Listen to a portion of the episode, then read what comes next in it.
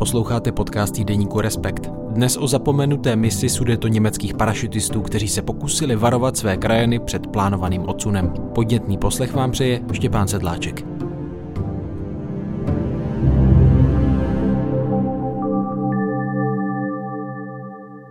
Letadlo vyslané z jihu Itálie v rámci britské speciální operace proniklo nad severozápadní Čechy. Životní mise jednoduše musela začít. Teď nebo nikdy. Měl jsem strach. Pilot se ptal, jestli skutečně chci se skočit. Pokušení odpovědět nebylo veliké, avšak nebylo příliš času na rozmyšlenou. Signál se rozsvítil červeně. Go! A než jsem si to mohl uvědomit, vysel jsem pod rozvírajícím se padákem. Mezi nebem a zemí, pode mnou půda domova. Těmhle slovy začíná poutavý článek kolegy Tomáše Lindnera v aktuálním dvojčísle týdeníku Respekt. Vítej ve studiu, Tomáši. Ahoj. Ústřední postavou celého toho příběhu v tvém podání je tedy Albert Exler, který vyskočil s padákem z letadla do tmy ehm, v roce 1944 a také vychází z jeho vzpomínek, eh, které později eh, sepsal a cituješ je. Tak mohli bychom na úvod po pořadě říct, co o něm víme, kdo to vlastně byl Albert Exler, který tedy, jestli se nepletu, ve 33 letech se vydal na tuhle misi. Exler byl sudetoněmecký sociální demokrat, který se narodil v jedné vesnici na Šumpersku a původně začínal pracovat jako takový dělník v textilce, ale dost rychle se vypracoval na redaktora nějakých sociálně demokratických opavských novin, jako spousta sociálních demokratů, kteří byli víc aktivní, tak mu hrozilo stíhání, zatčení, koncentrační tábor po záboru pohraničí Sudet nacisty v roce 1938 Exler včas eh, utekl nejprve do českého vnitrozemí a potom do Skandinávie, krátce žil ve finském exilu, poté přešel do švédské emigrace a potom do eh, emigrace v Anglii. A v Anglii, vlastně v Londýně, žil v exilu Vencel Jakš, což byl prostě hrozně významný, zajímavý prvorepublikový politik. Byl to lídr, eh, předseda tehdejší německé sociální demokracie a Jakš vymyslel tu výsadkářskou misi, na kterou se potom Albert Exler a dva další sudečtí sociální demokraté vydali v roce 1944. Jak se Exlerovi potom se skoku vedlo? Co měl za úkol a s čím se tam setkal? Jeho cílem bylo, jak to sám píše ve vzpomínkách, jak to píšou další uh, sudečtí sociální demokraté ve svých vzpomínkách, tak jejich cílem bylo varovat sudecké krajany před tím chystaným odsunem tížilo je, že oni o těchto Benešových plánech vědí z londýnského exilu, zatímco jejich krajané, kteří zůstali v domovině, tak, eh, tak o tom nevědí. Takže Exler se snažil, měl nějaký seznam adres, které měl navštívit a zkrátka hned potom se skoku, ke kterému došlo v eh, takové malé vesnici poblíž eh, Děčína, tak hned zaťukal na první dveře jednoho místního sociálního demokrata a a začal takhle navštěvovat ty různé adresy a případně vytvářet nějakou síť lidí, které bude před těmito plány varovat. No, těžko hodnotit, ale řekl bys, že pro ty lidi v tu danou dobu tohle byla podstatná otázka, pokračovala ještě válka a najednou je varovali před tím, že tedy Československo po válce by mohlo něco takového podniknout. No, hodně lidí to vlastně popisuje ve vzpomínkách Exler, že vlastně nevěřilo této informaci, že si třeba mysleli, že to je že řeči o chystaném odsunu Němců jsou jako Goebbelsovská nacistická propaganda, která má vlastně oslabit, nebo která má ještě zvýšit pouto mezi sudeckými Němci a tím nacistickým režimem. Takže on často narážel na jakou třeba nedůvěru vůči této informaci, poté dokázal vlastně lidi někdy přesvědčit, protože jim popsal jako je přesněji situaci v britském exilu, kdy například uh, Wensley Jakš, ten zmiňovaný předseda sudecké sociální demokracie, tak do léta 1942 měl nějaké jako rozhlasové vysílání na vlnách prostě britského rozhlasu. Ty jeho proslovy se daly uh, i v českém pohraničí sudeckými Němci ilegálně poslouchat, ačkoliv to bylo prostě jako vysoce trestné. A, a v létě 1942 třeba ty, ty, tyto pořady zmizely. A Exler těm svým kontaktům vysvětloval, že ty pořady byly vlastně zastavené na nátlak Edvarda Beneše a když tuto situaci třeba popisoval, tak někteří z těch kontaktovaných lidí mu věřili. A samozřejmě jako důležitá otázka to byla, protože lidé si uvědomili, že jim hrozí vlastně ztráta domova. Že? Ti parašutisté vyskočili z britských letounů, byla to britská speciální operace, tak dá se říct, co tam sledovala Velká Británie, protože předpokládám, že pro Brity nebylo na prvním místě upozornění lidí na plánovaný odsun. Přesně tak. Vlastně Britové měli velmi těsné vztahy s Benešem, zatímco vliv eh, Vencla Jakše a tady toho sudeckého sociálně demokratického exilu během války vlastně klesal. Že? Jednalo se o jednu dost v evropském měřítku malou menšinu. Při přípravě toho textu řekl jeden německý historik, byla to prostě jedna ze stovek velkých otázek, které tehdy Britové museli řešit ohledně evropské budoucnosti.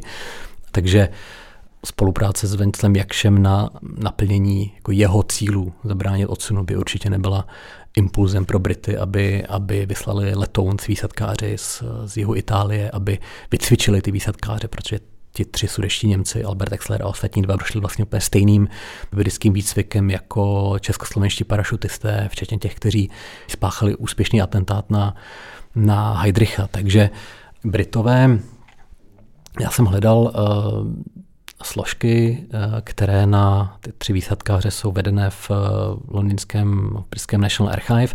Uh, oni mají takovou digitalizovanou knihovnu a bohužel z dost nejasných důvodů jsem nenašel složku Alberta Exlera, ale dostupné jsou tam složky těch druhých dvou výsadkářů, Oto Pichla, původem z Nového sedla u Lokte, který potom ale většinu dospělého života strávil v Duchcově a okolí v severozápadních Čechách a Ernsta Hoffmana, což byl rukavičkář z Krušnohorských Abertam, tak v, ve složkách, které jsou vedené na tyto dva muže, tak jsou popsané vlastně ty britské cíle a úkoly, které měly plnit pro Brity.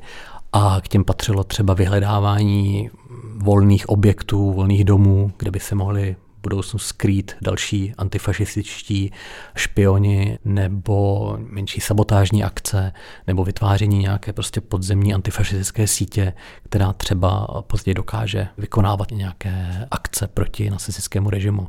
Takže tady ty cíle spíš zapadaly do té britské strategie v té době. Měla ta operace, ta mise nějaké jméno, název? V tom textu jsem vlastně žádný název nepoužil, protože jsem narazil na různé informace a nepodařilo se mi to vlastně správně ověřit, řekněme, protože v některých eh, textech, třeba v eh, takové vlivné, významné knížce historika Jiřího Šolce z roku 1991 nebo 92 nebo 90 o československých parašutistech, tak on vlastně této misi věnuje asi tři stránky a nazývá ji Operace Albert.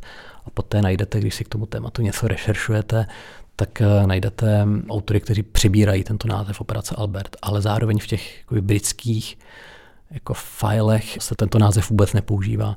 Když se podíváte na zase speciální operace eh, této eh, jednotky SOE, která ten výsadek provedla, tak oni tam popisují jednu akci, která se jmenovala Operace Denver, ke které mělo dojít právě počátkem května na území tehdejšího, oni popisují Sudetenlandu, ale vlastně v nějakých zeměpisných kategoriích to SOE eh, je ta oblast ještě v, v kolonce Austria, takže Rakousko, že je to zajímavé. Ale to se mi taky zase na jiných místech jako se neopakuje tento název, takže to je věc, kterou ještě budu muset někde, někde probádat, takže zatím jsem ten název žádný do toho textu neuváděl. Jaké byly další osudy Alberta Exlera? On vlastně jako jediný z těch tří mužů tu misi, která byla samozřejmě zoufale neúspěšná ve výsledku, tak jako jediný přežil díky tomu, že vlastně během no, že akce byla prozrazená, takže velmi brzy on věděl od těch kontaktů, které navštívil, že gestapo někoho hledá, kdo se skočil. A takže on se dostal eh, potom z těch severozápadních Čech, eh, kde přistál, tak se dostal do západu českých krušnohorských kraslic, kde navštívil jednu místní vlivnou sociální demokratku, nebo vlivná byla před druhou světovou válkou. A poté byla vlastně po příchodu nacistů, to byla několik let vězněna v koncentračním táboře. Exlery navštívil v době, kdy opět jakoby žila v těch svých eh, domovských kraslicích a tato paní Maria Günzel se jmenovala, tak díky svému přátelství s eh, paní, která se jmenovala Erna Habersetl a byla to básnířka, zároveň sociální demokratka z eh, Vídně, tak díky tomuto kontaktu se podařilo Exlerovi jako najít krycí byt ve Vídni, kde on strávil vlastně několik měsíců a byl tam vlastně odhalen až eh, na jaře roku 1945, takže velmi pozdě a, a jenom díky tomu Exler přežil, že vlastně na tom že jaře 45 už se nacistická moc hroutila, on byl přesto z Vídně poslaný jako do vězení v Litoměřicích a potom do Liberce, měl být odsouzený, byl by pravděpodobně odsouzený k smrti, ale pak už přišel 8. květen a v tu poslední chvíli on měl zkrátka štěstí, že se mu podařilo a další skupince vězněných kolem něj ty konkrétní bachaře v Litoměřicích přesvědčit, že nemá smysl už, aby je zastřelili a ti bachaři je pustili na svobodu.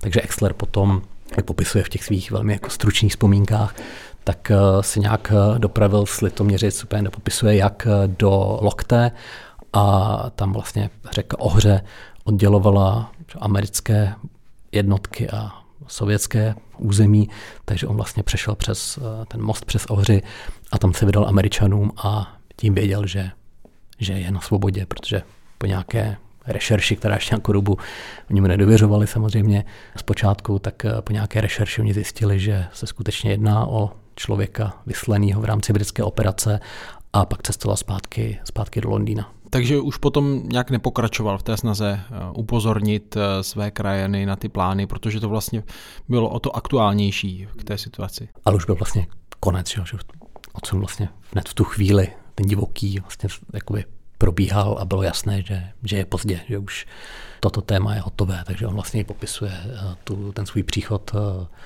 návrat vlastně do Londýna, kdy hned ten první večer potom se potkali u Vencla Jakše a u dalších blízkých přátel z toho vedení exilové sudecké demokracie a říkal tam, že nikdo z těch přítomných pánů se nestyděl za své slzy a nešlo tam jenom o osud těch dalších výsadkářů, kteří byli zabiti, nebo jeden těch výsadkářů včas spolkl ampulis jedem, když věděl, že je obklíčený gestapem a druhý eh, byl normálně začený a pak eh, týraný gestapem a pak eh, ten Ernst Hoffmann a poté byl vlastně odsouzený k smrti u válečného říšského soudu a v Torgau v Sasku, ale ten smutek se vlastně týkal celého toho osudu tří milionů krajanů, který těm lidem v tu chvíli byl jasný. Ale Exler potom jako i celý život byl, byl politicky aktivní. On zemřel v roce 1990. Mně se podařilo prostě při té rešerši jako mluvit s, s jedním jeho kamarádem, vlastně s člověkem, který v roce 1990 eh, měl řeč na Exlerově pohřbu a povedlo se mluvit s jedním pánem, který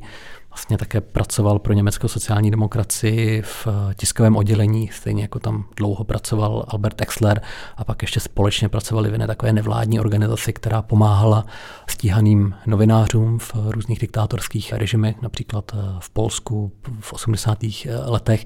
A takže Exler byl vlastně až opravdu do důchodu politicky aktivní, to přes tu pomoc vlastně stíhaným novinářům, přestože celou pracovní kariéru strávil v pro německém Bonu, že, kde bylo hlavní město západní Německa, Spolkové republiky, pracoval tam pro německou sociální demokracii v tom zmiňovaném tiskovém oddělení, takže měl velmi blízko vlastně k poslanecké frakci, měl velmi blízko i k lidem, jako byli Willy Brandt nebo Helmut Schmidt, takže vlastně významní sociálně demokratičtí eh, kancléři. Později dostal i Bundesverdienstkreuz, takže vlastně nejvyšší státní eh, vyznamenání, to myslím, že dostal počátkem 80. let, jestli se teď nepletu, to bych musel možná jako ještě ověřit, ale dostal to vlastně za tady ten svůj antifašistický jakoby nějaký hrdinský čin z roku 44. Ta mise skončila neúspěchem, ale Zmínil si, že některé lidi přesvědčil, tak dá se říct, že třeba někdo právě po upozornění těch parašutistů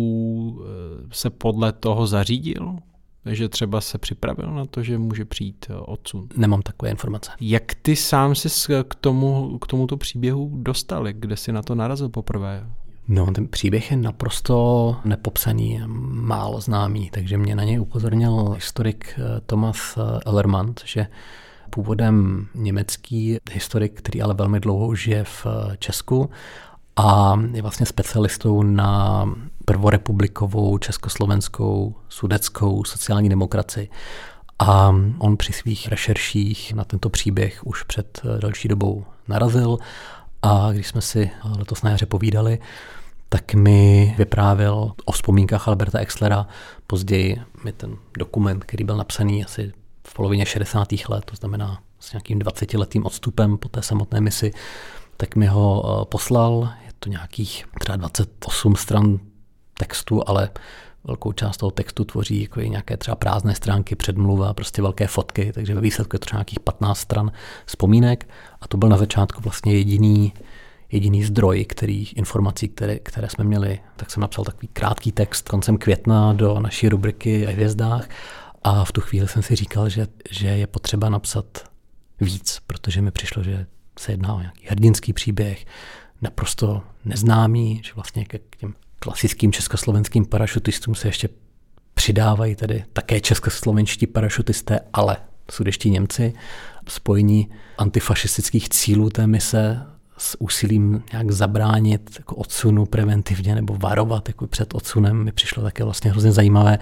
Říkal jsem si, ptal jsem se, co to vlastně jako bylo za lidi, ty, ty tři parašutisté. A v tu chvíli jako začalo nějaké trochu průběžné jako pátrání a postupem času jsme opravdu zjistili spoustu informací uh, skrz prostě kontakty, snahu vypátrat něco v, v archivech, spoustu takové mravenčí eh, práce, která by byla asi nudná teď tady popisovat, ale ale můžu třeba říct, že u třeba toho výsetkáře Ernsta a Hoffmana vlastně v jednu chvíli se nám podařilo kontaktovat uh, neteř, uh, která se narodila už po odsunu v Bavorsku a ta neteř třeba neměla o Ernstu Hoffmanovi vůbec žádné informace, ani nevěděla, kde je pohřbený, jak zemřel, kde zemřel. A mně se pak povedlo přes jako, různé maily, různé okliky jako důvěryhodně zjistit, že že skončil u toho hřížského válečného tribunálu v Sasku, že byl odsouzený k smrti.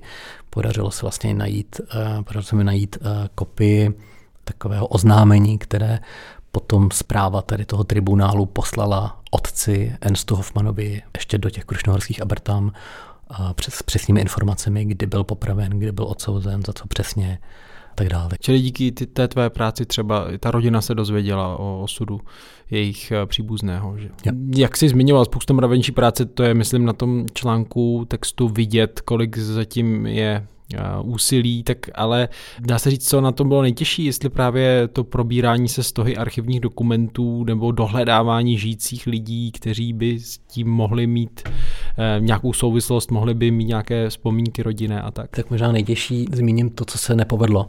Například já jsem si nějakou chvíli, když jsme se o tom textu i bavili s, s Ivanem Lamperem, s naším editorem, někdy na podzim, tak jsme si říkali, že by bylo zajímavé jako vypátrat některá jako klíčová místa, ve kterých se příběh odehrává a popsat, jak ta místa dneska vypadají.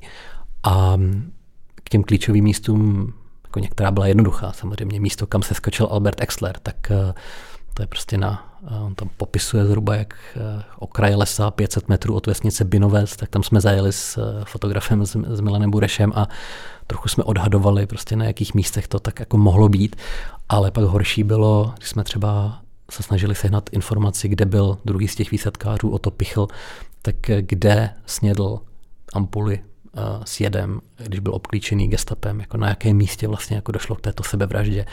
A to se nám nepodařilo vlastně přes různé jako dotazy na různé jako archivní místa jako dohledat. Další taková informace se týkala jako té třeba skrýše Alberta Exlera v krátkodobě v těch jako kraslicích, kde potkal tu Marie Günzel, předtím už zmiňovanou, která potom měla také vlastně zajímavou politickou kariéru v Bavorsku po odsunu eh, pro bavorskou sociální demokracii, tak jsem se třeba snažil zjistit, jakoby, kde v tom roce 1944 prostě přesně žila a třeba zase to místo jako navštívit a reportážně pak čtenářům jako ukázat, jak, jak ta místa dnes vypadají, ale zase přes jako snahu místní matriky nebo, nebo okresního archivu v eh, jako v Sokolově se to nepodařilo, nepodařilo přesně jako lokalizovat. Takže tuhle snahu psát reportáž takovými jako skoky z historie do současnosti těch míst, to se pak úplně nepodařilo. No třeba gestapo, to místo gestapa, kde, kde eh, byl nějakou dobu mučený ten Ernst Hoffmann, jeden z těch tří, tří výsadkářů,